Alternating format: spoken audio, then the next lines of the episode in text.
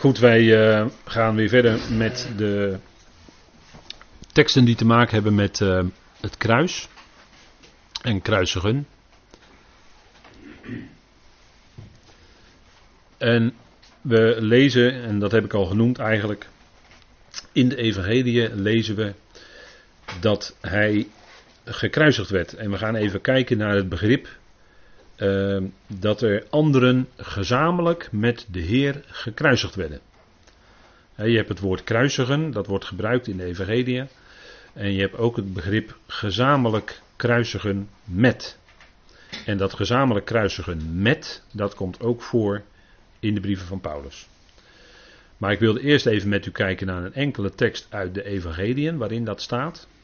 En dan ontdekken we eigenlijk dat er samen met de Heer meerdere gekruisigd werden. En misschien is dat goed om toch heel even met elkaar te bekijken. Allereerst Matthäus 27. Matthäus 27. En we zouden die gebeurtenissen, ja soms denk ik wel eens we zouden de tijd moeten nemen, maar dat ontbreekt, die tijd ontbreekt helaas. Om al die hoofdstukken met elkaar dus vers voor vers door te nemen. En dus uitgebreid te kijken naar alle omstandigheden die te maken hadden met zijn kruisiging en zijn dood en opstanding. Omdat dat nu eenmaal heel erg wezenlijk is. En het is ook zo uitgebreid beschreven. En dan zouden we, als we dat zouden bestuderen, zouden we ook zien dat er gebeurtenissen zijn die niet zomaar alleen een geschiedschrijving zijn. Uh, en dat maakt veel indruk op ons, omdat het gaat om onze Heer en wat er met hem gebeurde, maakt het sowieso veel indruk. Uh, maar dan blijkt, dan zal blijken dat die uh, gebeurtenissen en ook de beschrijving ervan, want wij denken daar worden details in vermeld die voor ons eigenlijk helemaal niet zo belangrijk zijn om te weten. Maar juist door die details die ook vermeld worden, heeft, krijgt het ineens een verder strekkende, daarmee bedoel ik een typologische of profetische betekenis. Maar goed, dat gaat voor nu even te ver om daar nou heel diep op in te gaan. En uh, dan zou ook blijken dat dingen die gezegd worden, die wij terecht uitleggen als dat ze de spot dreven, dat in die dingen die gezegd worden toch de waarheid wordt gezegd. En dat is soms het hele wonderlijke hè, wat je in Evangelie leest. Maar we lezen dus over het feit dat hij gekruisigd werd. En wat dan opvalt is dat als er die gebeurtenissen beschreven worden, dat het zo enorm sober beschreven wordt. Want een kruisiging, dat was nogal wat hoor. Dat was nogal wat. Als je daarover leest hoe dat ging en wat er dan met de gekruis, degene die gekruisigd werd gebeurde. Nou, nou, nou, nou, dat was nogal wat hoor. Dat was uh, zeer felle pijn die een gekruisigde leed. Maar daarover lezen we eigenlijk niet. Eigenlijk wordt het heel zakelijk bijna. Heel ja, nuchter misschien niet, maar bijna wel heel nuchter beschreven. Puur de feitelijkheid. Waar we ook eigenlijk niets over lezen, is, zoals wij dat dan als mensen tegen elkaar zeggen, wat er dan in de Heer omging op dat moment. Daarover lezen wij in de Evangelie eigenlijk niets. We lezen wel uitspraken, u kent het wel, hè, die zeven kruiswoorden, hè, de bekende zeven kruiswoorden. Maar dat zijn uitspraken die hij deed. Daarin klinkt wel emotie door, maar we lezen niet wat er nu precies in de Heer zelf omging. Toch kunnen we dat in de Bijbel wel lezen, wat er in hem omging. En dat is in de psalmen. Moet u maar eens op die manier, dat heb ik wel eens vaker, denk ik, gezegd. Moet u maar eens op die manier bijvoorbeeld een psalm als 69 lezen. Of psalm 22, dat is ook een hele bekende. daar leest u dan over het lijden van de psalmist. Maar eigenlijk zijn dat woorden die je zo kan lezen uit de mond van de Heer zelf. En dat is wat, die heeft daar dan uh, niet allemaal zo direct waarschijnlijk aan het kruis uitgesproken, alhoewel hij waarschijnlijk wel een psalm heeft gereciteerd. Denkt men, daar zijn we goede gronden voor. Maar andere woorden, zoals vorige keer lazen wij uit Psalm 3, Heer, hoe talrijk zijn mijn tegenstanders of mijn vijanden, weet u wel, dat lazen we de vorige keer met elkaar. En dat zijn gedachten die de Heer, dat is waarschijnlijk in hem omgegaan. Zo mogen we dat wel zien. En als je dat dan beseft en je leest zo op die manier zulke psalmen, dan zou ik zeggen, dan doe ik met Mozes de schoenen van mijn voeten, want dat is heilige grond. Dat, gaat, dat is zo diepgaand als we dan dus een inkijk krijgen in wat in de Heer omging toen hij gekruisigd werd. Dat is nogal wat. En op die manier dan die psalmen lezend, nou, dan kom je wel onder de indruk hoor. Maar in de Evangelie lezen we dat dus niet. Lezen we eigenlijk een, echt een zakelijk verslag van wat er gebeurde. Belangrijke gebeurtenissen die wij zouden weten, die, we, die wij moeten weten. En ook talloze keren dat er staat dat de schrift daarmee vervuld werd. Dat is wat de Heer zelf ook zei van tevoren, dat de schrift aan hem vervuld zou worden. En ehm, misschien is dat goed om heel even met elkaar op te slaan in Lucas 22. Lucas 22. Daar lezen wij wat met hem zou gebeuren en dat wist hij.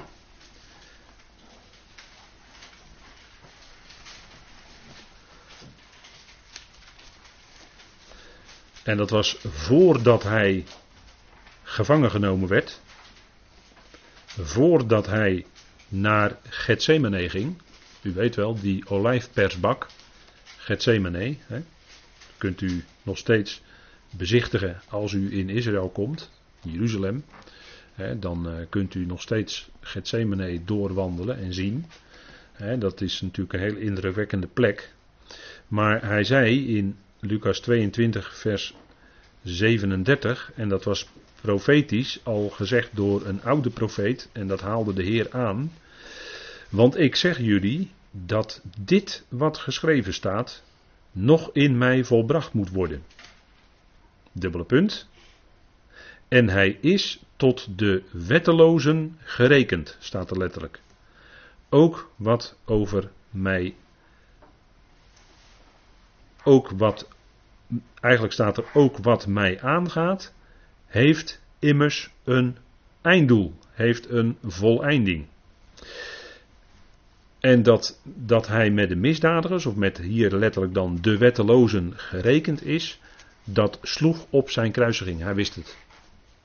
Hij wist dat hij met die misdadigers, met die wettelozen gerekend zou worden. En wie had dat gezegd? Dat had Jezaja gezegd. Jezaja 53. Laten we het ook maar even met elkaar opzoeken. En u weet dat Jezaja 53 in de synagogelezingen overgeslagen wordt. Hè? Dat hebben we met elkaar gezien. Maar dat was bij een andere studie in de pauze. Daar is een filmpje op YouTube dat een Messias-gelovige Jood gaat dan zijn leden van zijn volk interviewen. En die gaat hen dan confronteren met Jezaja 53. En die zegt dan dat wordt nooit gelezen in de synagogelezingen. Daarin heeft hij gelijk. En dan is het heel ontroerend om te zien hoe dan die gesprekken gaan. Hè? Hoe, ze dan, hoe hij dan iets probeert duidelijk te maken van Jezus als de Messias. Het is heel mooi om te zien dat iemand van het Joodse volk dat aan zijn eigen volksgenoten zo doorgeeft. Jezaja 53 en dan staat er in vers 12 en dit gaat over Jezus Christus, profetisch. Daarom zal ik hem veel toedelen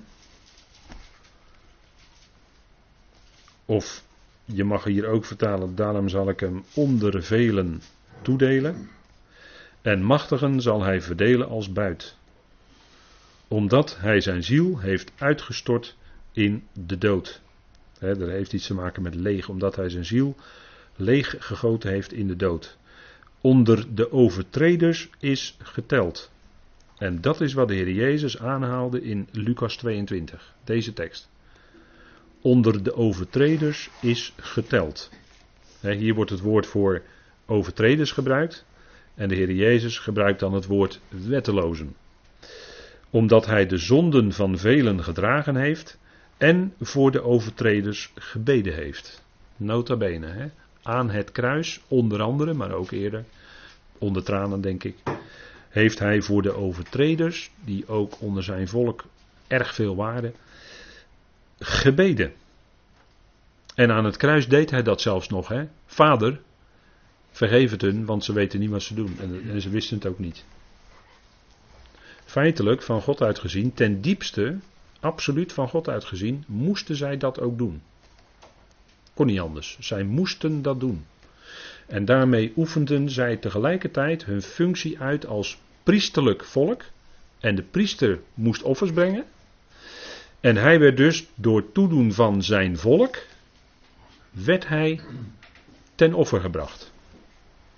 En zonder het te beseffen, oefende Israël daarmee zijn priesterlijke functie uit. Dat hij als het offer, waar alle andere offers van Leviticus naar verwezen, onder andere van Leviticus, naar verwezen, hij was de vervulling ervan. En hij werd als het ultieme offer waar het werkelijk om ging, gebracht.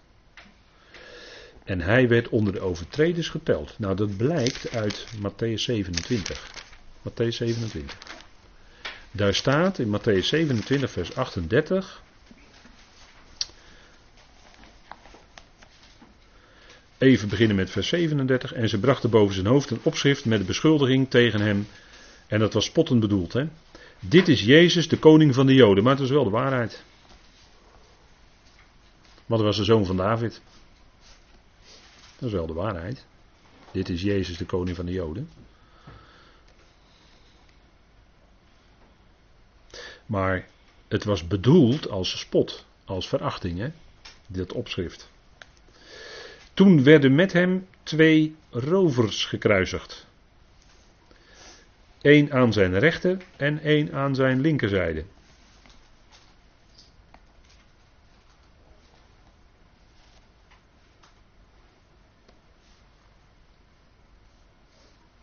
Dat zijn de twee rovers. Dat, die horen dus onder meer bij die wettelozen. Hè? Rovers, dat zijn uh, die lieden, die, uh, die man die op weg was naar, uh, van Jeruzalem naar Jericho, of andersom. Ze lieten hem, ze beroofden hem en ze lieten hem half dood aan de kant van de weg liggen. Weet je wel, dat soort lieden. Hè, wat de Heer Jezus vertelt over de barmhartige Samaritaan. Die hij feitelijk zelf is. Was, is. Dat zijn rovers. Die overweldigen mensen en die beroven hen van hun bezittingen. Met geweld. Dan lezen wij in Lucas 23. Lucas 23.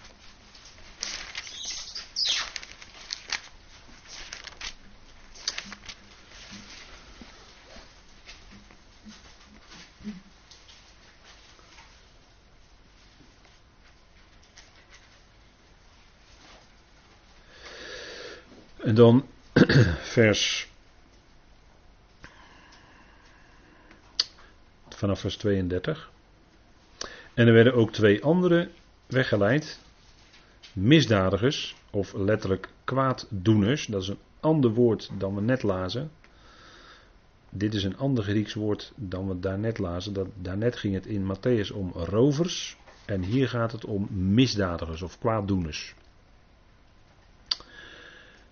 om met hem ter dood gebracht te worden. Toen zij op de plaats kwamen die schedel genoemd werd, kruisigden ze hem daar met de misdadigers, de kwaaddoeners, de een aan de rechter en ander aan de linkerzijde. En dit gebeurde voordat het lot geworpen werd over de klederen. Vers 34. Jezus zei, vers 34, Vader, vergeef het hun, want ze weten niet wat ze doen. En ze verdeelden zijn kleren en wierpen het lot. En als je in de andere evangelie leest, dat hebben we dan net niet erbij gelezen, maar dat moet u dan maar even nagaan. Dan worden die rovers pas gekruisigd nadat deze opmerking over het verdelen van de kleren en het werpen van het lot werd gemaakt.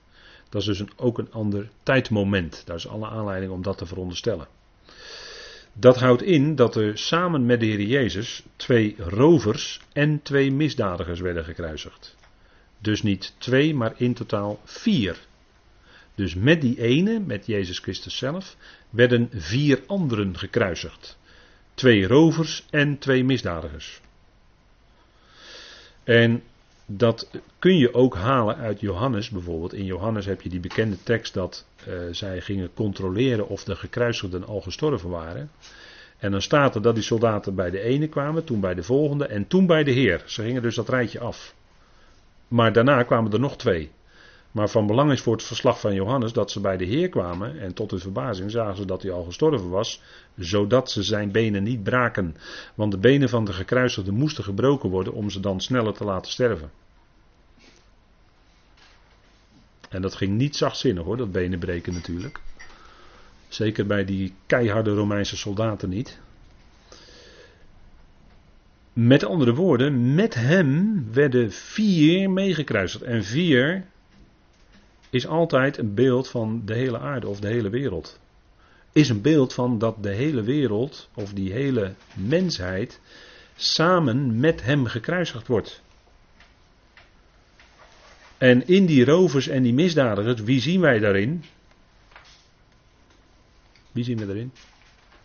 Nou, u en ik, hè? wij zelf, wij, wij. Wij waren die rovers en die misdadigers hoor. want dat zit allemaal in het vlees. rovers, misdadigers, dat zijn wij. Wij werden daarmee, in die rovers en die misdadigers werd zichtbaar wie die mensheid is in feite. Een bende rovers en een bende misdadigers. Nou, dat is wel een erg somber beeld, zeg. Nou, ik zou zeggen, kijkt u maar om u heen. Ga alle nieuwsberichten maar nalezen. Kijk s'avonds maar, nou ja, nee. Lees alle nieuwsberichten maar na, hè. Dan, uh, dan lees je genoeg over rovers, misdadigers en wat er allemaal gebeurt. Dan staat die mensheid er niet zo best op. en dat geldt voor iedereen hoor, zonder uitzondering. Kijk, en dat is het ontluisterende van het kruis. Het kruis maakt een einde aan alle menselijke pretenties. Het kruis maakt een einde aan wie wij zijn in onszelf. En dat is geen prettige boodschap voor de mens. Daarom wil ook een gelovige niet zo snel luisteren naar de werkelijke betekenis en de boodschap van het kruis. Die zal er altijd toch een beetje terughoud, zich terughoudend van opstellen, willen opstellen. Waarom? Omdat het geen prettige boodschap is voor het vlees, maakt een einde aan het vlees, aan wie we in onszelf zijn. Als Paulus zegt in Romeinen 3, er is niemand die goed doet.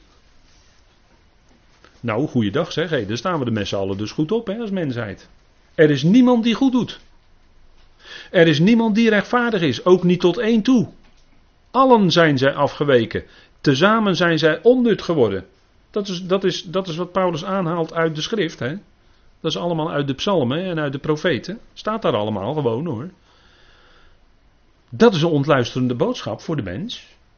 En die mens, die is dus, hè, die hele mensheid, is dus gezamenlijk met Christus gekruisigd. Werd zichtbaar in die rovers en die misdadigers. En kijk, dat gezamenlijk met hem gekruisigd worden, dat vinden wij dus terug in de brieven van Paulus. Kijk maar, Romeinen 6, vers 6. Daar staat dat sun stauroo, dat is het Griekse woord, mag u gelijk weer vergeten. Maar dat is gezamenlijk met Christus gekruisigd. Romeinen 6, vers 6. Laten we maar even, dat is de enige keer dat in heel Romeinen gesproken wordt over kruisigen.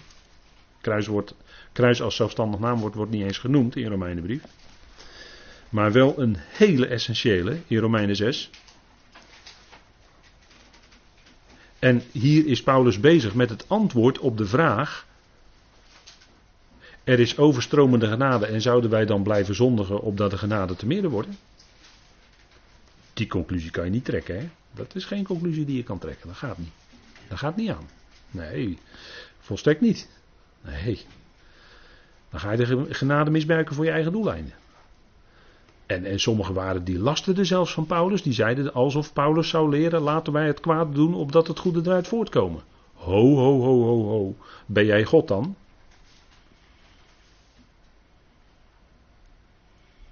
In Romeinen 9 ook, hè? Mens. Oh mens, wie ben jij nou? Wie ben jij? dat die mens die stelt dan de vraag aan God: is er dan onrechtvaardigheid bij God als hij ziet hoe hij handelt met Jacob en Esau en met de farao? Is er onrechtvaardigheid bij God? Wacht even, mens, wie ben jij? Wie ben jij? Wie ben jij dat jij zulke vragen aan God stelt? Jij bent geen God en God is geen mens. Kom, kom. De verschillen zijn wel heel groot hoor. God is je schepper, God is de pottenbakker. En jij bent, het, jij bent de klei. En hij modelleert jou naar wat hij wil. En hij, het is aan God. God heeft het alleen recht om instrumenten of vaten te maken tot verontwaardiging en vaten tot heerlijkheid. Dat is Gods voorrecht hoor. En daar moeten wij geen vragen, daar kunnen wij, ja moeten, daar praten we liever niet over, maar daar kunnen wij geen vragen bij stellen, want wij zijn mens en hij is God, je moet wel je plaats weten.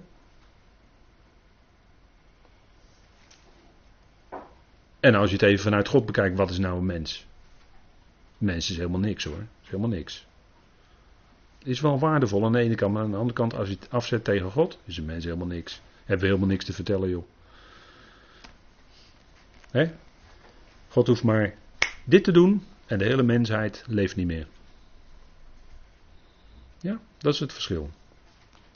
En dat is denk ik waar we over praten. En dan hebben we het hier over. Dit weten wij toch? Dat onze oude mens mede gekruisigd is. Wordt hetzelfde woord gebruikt als in de Evangelie. Dat die rovers en die misdadigers met hem gekruisigd werden. En dat is opdat dat heeft dus een duidelijk doel voor onze praktijk. Opdat het lichaam van de zonde, het lichaam voor zover dat in dienst stond van de zonde, teniet gedaan zou worden. Einde van het vlees. En wij niet meer als slaaf de zonde dienen. Want ieder die de zonde doet, is een slaaf van de zonde. Immers, toch? Weten we toch? Nou, Paulus zegt: Dit weten wij. Dit weten we, dit zouden we gewoon weten als gelovigen. Dit is eigenlijk, eigenlijk wat je zou kunnen zeggen, het ABC van het evangelie hoor. Dit is evangelie hè. Dit weten wij dat onze oude mens mede gekruisigd is. Opdat aan het lichaam van de zonde niet gedaan zou worden en wij niet meer de zonde als slaaf zouden dienen. Dus wij dienen niet langer de zonde, maar wij dienen, de, God. Dat is, dat, is het, uh, dat is het ABC van het evangelie. Daar begint het allemaal mee. En in Galaten 2 vers 20 precies hetzelfde. Zegt Paulus, hè, ik ben gezamenlijk met Christus gekruisigd. Laten we even met elkaar opzoeken. Hè, dat zijn die bekende woorden. En het is altijd beter om ze voor te lezen. Want als je het uit je hoofd doet, dan vergeet je vaak een woord of woorden. Laten we gewoon maar even lezen met elkaar. Galaten 2. En daar zijn we natuurlijk ook met de bespreking wat verder op ingegaan. En lezen we even vanaf vers 19, want het gaat in de gelaten steeds over de wet, hè? over het mosaïsche wettische systeem. Want ik ben door wet voor de wet gestorven, opdat ik voor God leef, alsjeblieft. We zijn dus voor de wet gestorven. Ten opzichte van de wet, ja, die heeft geen jurisdictie meer over ons, hè? omdat we gestorven zijn. En dat is naar de wet, hè? Dat is naar de wet. Ja, ja. Met Christus ben ik gekruisigd. Ik leef echter.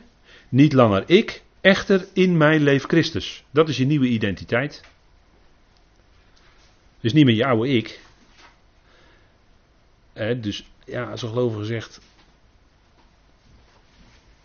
Om zijn eigen gedrag te vergoelijken. Ja, ik ben nu eenmaal zo. Dan ben ik daar toch niet helemaal mee eens hoor. In mij echter leeft Christus. Dat is je nieuwe identiteit. Dat is je nieuwe ik.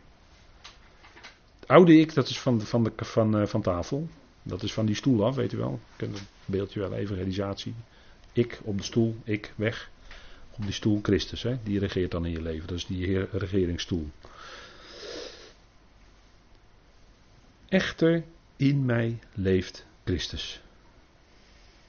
Dus dat is het geweldige van het evangelie dat het vervolg is, nu zolang ik nog in het vlees leef, en nu is te leven, dat is de opstandingskracht, leef ik in het geloof van de Zoon van God.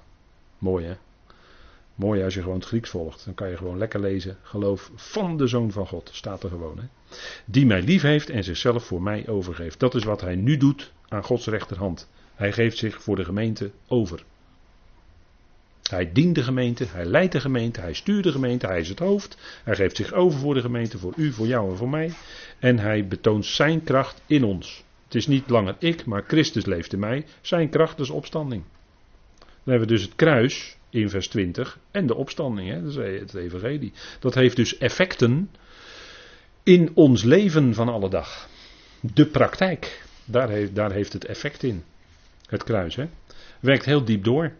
Het maakt een einde aan al onze menselijke pretenties. Het is niet langer ik, dus alle menselijke pretenties weg. Alsjeblieft, weg. Kliko. Kliko zit trouwens wel aardig vol, hè. Maar die gaat dan, eh, op een gegeven moment wordt hij geleegd, hè. Maar dan is het daarna, waar is ons leven dan vol van, als het goed is, van Christus. Geest, vlees. U weet het, u zegt het, ja, ja dus dat spanningsveld in iedere gelovige, dat klopt. Ja, vlees wil altijd toch weer de kop opsteken. Mensen, mensen willen altijd toch weer zijn potenties laten gelden.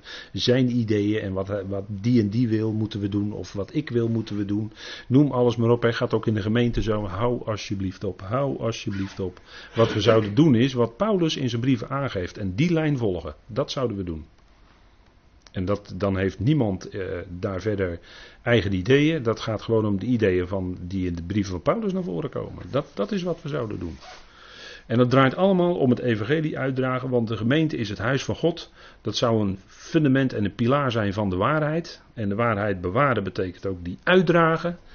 Dat is waar de plaatselijke gemeente ook voor zou staan. Kijk maar naar de Thessalonicenzen. Het woord van God was van hen uitgegaan in een heel groot gebied. Daar zetten ze heel veel inspanning op. En geld en tijd. Nou, dat zouden wij als gemeente ook doen.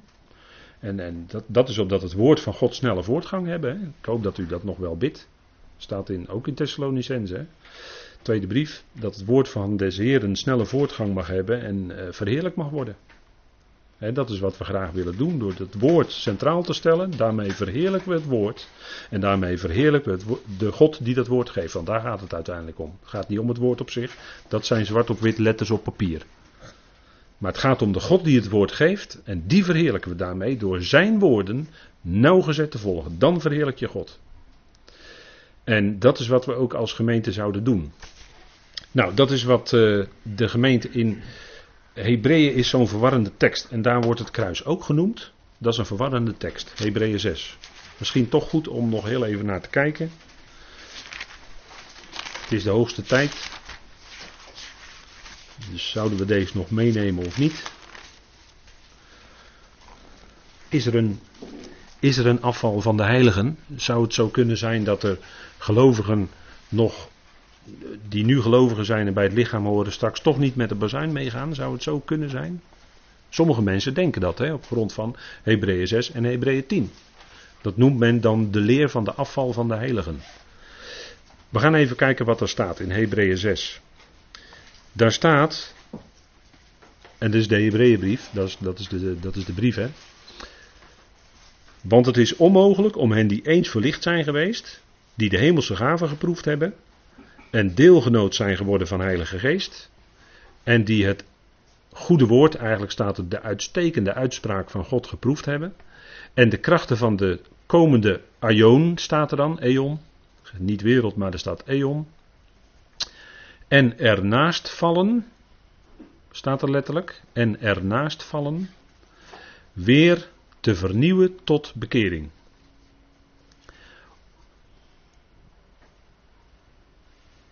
Of te vernieuwen, vernieuwend tot bekering, ziende dat zij voor zichzelf de Zoon van God opnieuw kruisigen en openlijk te schande maken.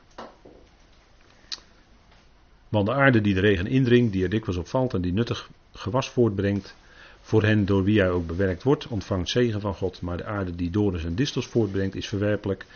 En de vervloeking daarbij, waarvan het einde tot verbranding leidt. Dit is een moeilijke tekst altijd voor mensen, omdat er sommigen zijn die denken dat dit ook bij gemeenteleden van het lichaam van Christus kan gebeuren. Maar moeten we even kijken wat er staat. Waar gaat dit over?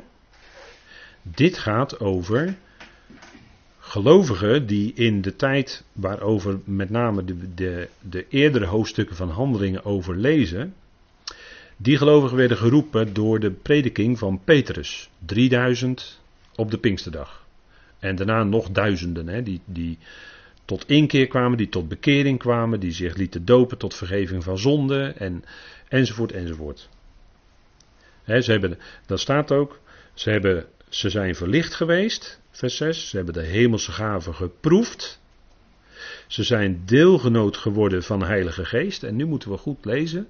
Er staat niet dat ze verzegeld werden met Heilige Geest. Staat er niet, hè? Staat ook niet dat de Heilige Geest in hen kwam wonen. Er staat alleen dat zij deelgenoot werden van Heilige Geest. Ja, dat gebeurde bij de apostelen ook. De Heilige Geest kwam op hen. Daardoor kregen ze, konden zij krachten doen en kregen, konden ze ook spreken. En ze werden bij gelegenheid ook vervuld met de Heilige Geest. Want als je vervuld bent met de Heilige Geest, dan ga je wel spreken hoor. Dan ga je spreken, Gods woorden spreken. Niet in tongen spreken, maar Gods woorden spreken. In deze tijd. Maar dat is even een zijlijn. Maar het gaat hier om dat hier niet staat dat ze verzegeld werden met de Heilige Geest. De Heilige Geest kwam niet in hen wonen. Dat staat hier allemaal niet. En hier gaat het om die gelovigen in de eerste plaats uit Israël en enkele proselieten die toen tot bekering kwamen. Ze hadden het uitstekende uitspraak van God geproefd. En de krachten, tekenen, wonderen, genezingen, spreken in tongen, profetieën, woorden van kennis, dat soort dingen allemaal. Hè? De krachten van de komende aion, van het koninkrijk wat aan zou breken. Want Petrus zei toch, dit is het waarvan de profeet Joel gesproken heeft dat hij van zijn geest zou uitstorten op alle vlees enzovoort, dan zou het koninkrijk komen. Het aardse koninkrijk wat aan Israël beloofd was, dat was de lijn, anders was niet bekend op dat moment. En die ernaast vallen, want er waren er in die tijd die teleurgesteld, omdat het koninkrijk nog niet aanbrak en maar uitbleef, teleurgesteld afvielen daarvan, van die lijn, en misschien weer terug onder de wet gingen, in de oude orthodoxie, of helemaal niks meer uh, deden en het helemaal niet meer aansprak. En daarvan zegt de Hebreeën schrijver dat het voor, voor diegene onmogelijk is om hen te vernieuwen tot bekering, dat ze weer opnieuw een verandering van denken gingen meewaken, weer opnieuw, want daarmee zouden ze de zoon van God voor zichzelf, voor zichzelf, niet in werkelijkheid natuurlijk, maar voor zichzelf, opnieuw kruisigen en daarmee eigenlijk openlijk te schande maken. Ze hadden zich eerst ervan afgekeerd, en daarom is het onmogelijk om je dan weer naartoe te keren. En die vielen ernaast. Die zouden geen deel hebben aan dat koninkrijk. Die zullen geen deel hebben aan het koninkrijk. Die vielen, die vielen af. Die vielen ernaast. Naast het koninkrijk. En dan zegt u ja, maar dat is toch niet mogelijk voor het lichaam van Christus? Nee, want na de roeping van de apostel Paulus begon het uitroepen van het lichaam van Christus en er waren uit die lijn van de koninkrijksgemeente, zoals ze dat noemen, die begon op de Pinksterdag. Toen begon niet de, de, het lichaam van Christus, maar toen begon de koninkrijksgemeente. Er waren wel enkele uit die koninkrijksgemeente die Paulus gingen volgen en die werden toegevoegd aan het lichaam van Christus. En met de roeping van Paulus begon het lichaam van Christus. En die roeping, als je geroepen bent van het lichaam van Christus, is het genade. Je bent verzegeld met de Heilige Geest. De Heilige Geest komt in je wonen, die gaat niet meer weg. Want het is een en al genade. En je kunt die roeping boven met de bazuin kun je dus nooit verspelen. Nooit. Onmogelijk. Omdat het genade is. En dat, dat is dus niet afhankelijk van uh, hoe, hoe, uh, hoe ver of hoe diep of hoe, hoeveel je groeit als gelovige. Dat speelt daarin bij het moment van de bazuin geen rol. Speelt geen enkele rol. Wordt niet gekeken hoe ver iemand in zijn geloof is gegroeid, ja of nee. Iedere gelovige die lid is van het lichaam van Christus is met die geest verzegeld naar binnen de dag van de vrijkoping. En op die dag van de vrijkoping, dat is de dag van de bazuin, dan wordt het hele lichaam van Christus, alle leden, ongeacht hun voorafgaande gedrag in de praktijk, want het is genade, dat is een genademoment, ongeacht hun gedrag worden ze allemaal weggeroepen van de aarde en zullen zij een ontmoeting met de Heer hebben in de lucht. Dat is een enorm verschil met de koninkrijksgemeente. Daar is het afhankelijk van of je volhardt tot het einde, dan ga je het koninkrijk in enzovoort. Is niet voor ons aan de orde, het is genade. Ionisch leven hebben we als een genadegeschenk. Het is absoluut, die, die lijnen moet je absoluut met, niet met elkaar verwarren. Hebreeën 6 hier gaat dus niet over het lichaam van Christus, maar gaat over die ontstaande koninkrijksgemeente, waarvan de lijn langzamerhand afliep en minder werd en uiteindelijk was er bijna niks meer van over. En die lijn zal straks weer opkomen, de koninkrijksgemeente, als het lichaam van Christus is weggeroepen. Dan worden er weer mensen geroepen tot het heil in Jezus de Messias. En dat is het koninkrijksgemeente die het aardse koninkrijk zal ingaan. Maar dat is een hele andere lijn. In die tussentijd is het beheer van de genade. En is het absoluut onafhankelijk van onze eigen werken of wandel of wat dan ook. Bazuin is een genademoment. Dat is een enorm verschil.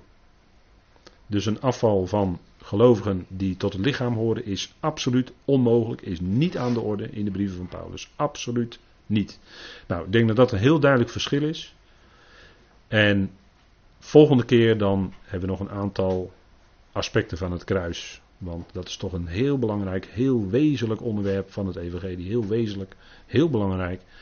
Willen we daar nog verder op doorgaan? Goed, ik wil het hierbij laten voor vanavond.